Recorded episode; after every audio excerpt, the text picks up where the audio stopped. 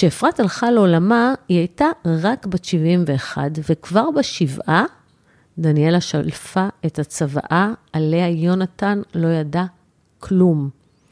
את הדירה היא הורישה בשלמותה לדניאלה, ואת חשבון הבנק היא הורישה ליונתן. סך הכל כשקוראים את הצוואה, קשה להבין את הנישול, אבל גם יונתן וגם דניאלה הבינו בדיוק את המשמעות. ברוכים הבאים לסדרת השורטקסטים, שהם בעצם סיפורים מהבלוג שכל כך אהבתם. העברה בין-דורית רלוונטית לא רק לכספים ולנכסים, אלא גם לדפוסי יחסים שמשוחזרים ומועברים מדור לדור. אדם שחווה דפוס יחסים מסוים עם הוריו, נוטה לשחזר אותו במסגרת היחסים שלו עם הילדים. הבעיה עם דפוסים שחלקם בכלל לא מודעים, ולכן מאוד קשים לשינוי, ואנחנו רואים מערכות יחסים פתולוגיות ודפוסי התנהגות נרקסיסטיים שמשוחזרים מדור לדור, מדור לדור. ברגע שמבינים שמדובר בדפוס פתולוגי, אפשר לעשות מאמץ מודע ולשנות אותו. ואם הסיפור הזה שאתם עומדים לשמוע עכשיו ישנה דפוס של משפחה אחת, קניתי את עולמי. והדפוס שאני מכוונת אליו הוא דפוס הנישול. נישול של אחד מהילדים מהירושה כדרך להביע חוסר שביעות רצון, או אפילו להעניש, או מתוך רצון לעשות איזשהו צדק חלוקתי, או סתם בגלל שזכותו של אדם להחליט למי הוא רוצה להוריש. הנישול הזה הוא פעמים רבות דפוס שמועתק הלאה לדורות הבאים וממשיך הלאה מערכות יחסים פתולוגיות ונתקים במשפחה למשך דורות על דורות, וזה דפוס הורס חיים. היה לי סיפור שניסיתי לקטוע אותו, ויש מצב שהצלחתי, תקשיבו. לאפרת היו אחות ואח, אבל היא תמיד הייתה הילדה המועדפת. היא הייתה הבת הכי צעירה, והייתה הכי יפה והכי דומה לאימא שלה בעיניים הבהירות והשיער השחור. ואימא שלה תמיד אהבה אותה קצת יותר מאשר את אחיה ואחותה. האבא מצידו אהב את שלושת הילדים באופן דומה ובחיים לא הפלה ביניהם, אבל הוא נפטר כשהילדים שלו היו בשנות ה-20 לחייהם, ובאופן טבעי הם חתמו על הסתלקות. והעבירו את כל העיזבון שלו לאימא שלהם. ההסתלקות הזאת, שהיא בסך הכל התנהלות ראויה וטבעית, יכולה להפוך למלכודת מסוכנת ותובענית. מצד אחד, איזה ילד לא מוותר על החלק שלו בירושה למען אמו או אביו שמתאלמנים פתאום? אם רק אתה לא תוותר, זה יכולה להיות סיבה טובה לנישולך העתידי מהירושה שנשארה.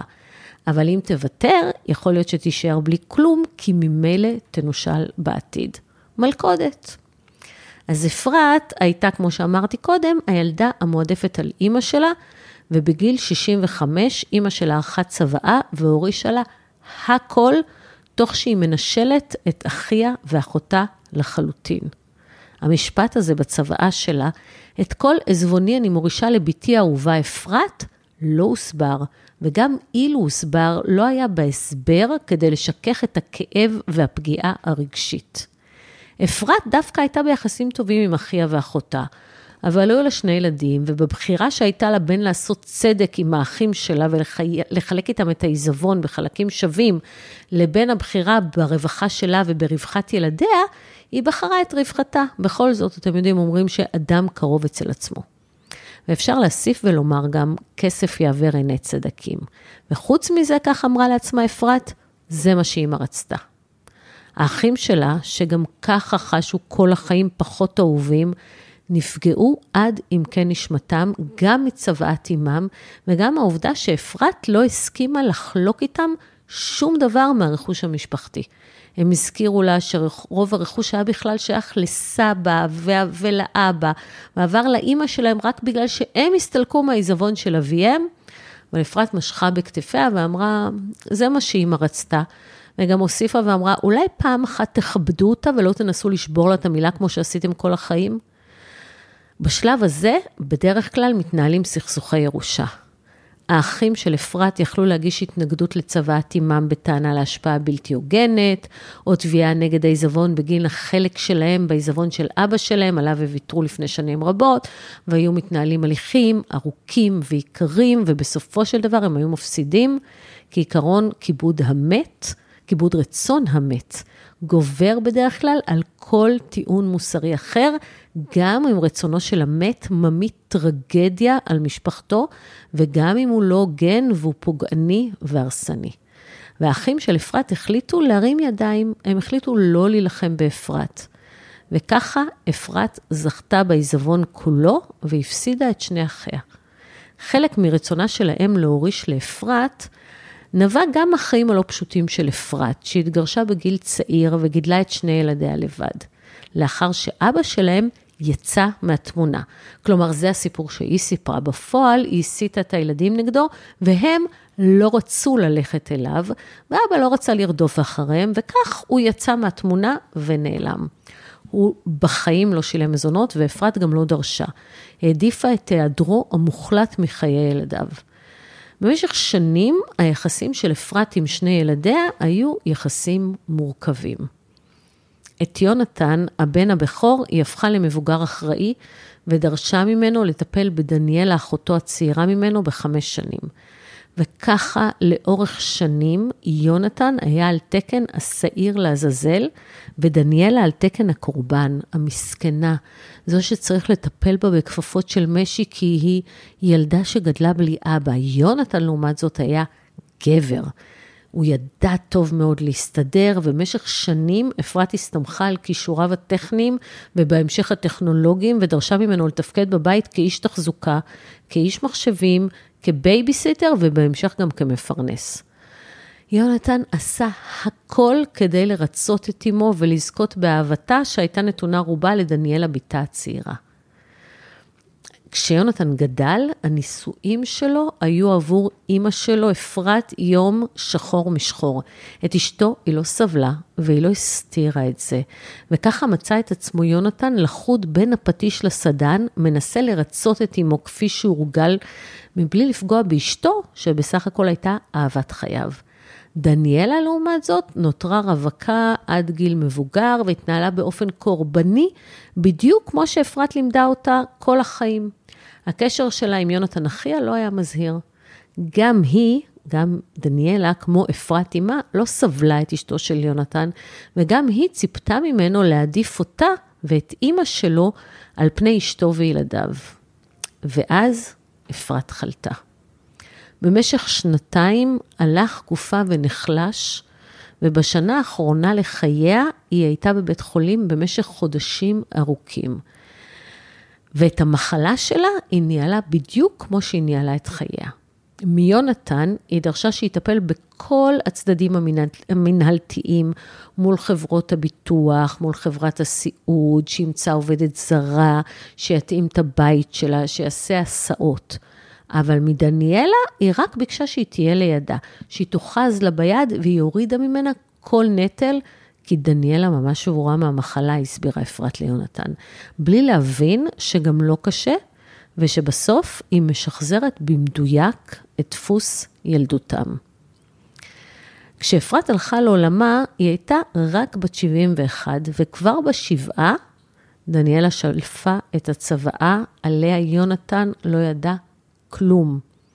את הדירה היא הורישה בשלמותה לדניאלה, ואת חשבון הבנק היא הורישה ליונתן. סך הכל כשקוראים את הצוואה, קשה להבין את הנישול, אבל גם יונתן וגם דניאלה הבינו בדיוק את המשמעות.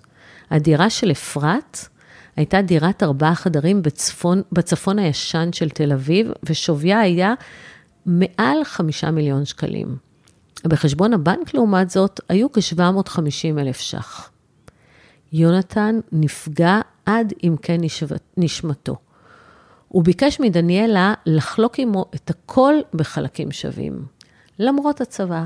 דניאלה, כמו אימא שלה בעבר, סירבה ואמרה לו, אבל זה מה שאימא רצתה. ויונתן לא התנגד לצוואה.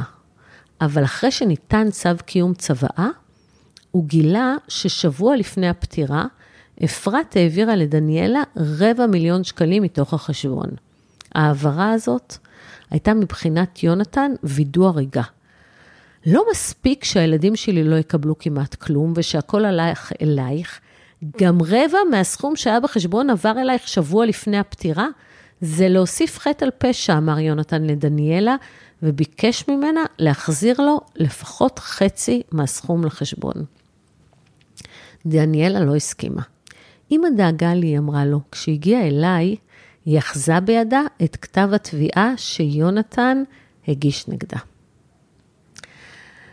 זה לא הכסף, ניסיתי להסביר לדניאלה, אחרי שהיא גוללה באוזניי את כל הסיפור המשפחתי, שרובו גם היה כתוב בכתב התביעה. זו הפגיעה, אמרתי לה. זה הילד שאימא שלו לא אהבה מספיק. זה הילד שצריך היה לדאוג לכן כל החיים, ואף אחד לא דאג לו ואף אחד לא ראה אותו. הילד הזה מבקש ממך שתראי אותו, אמרתי לה. את מייצגת אותו? שאלה אותי דניאלה בכעס, והסבירה שיונתן מסודר בחיים. לא ויתרתי לה.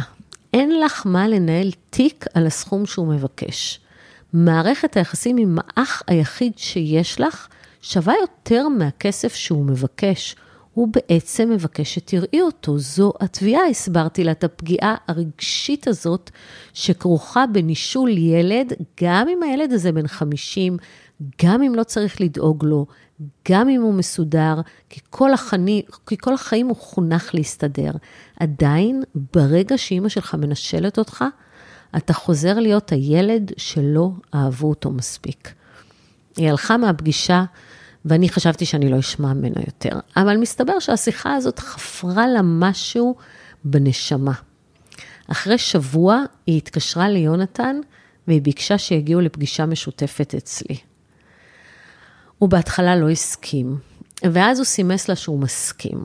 הפגישה הייתה ארוכה וקשה, ונקזה הרבה עצב והרבה חי... וכאב, כאלה שנוצרים מחיים בצילה של אימא נרקסיסטית, שגם אוהבת וגם שולטת, שיש לה ילד מועדף וילד מסתדר, שאין לה שום בעיה לסכסך בין ילדיה ושהיא בעצמה קורבן של העברה בין-דורית.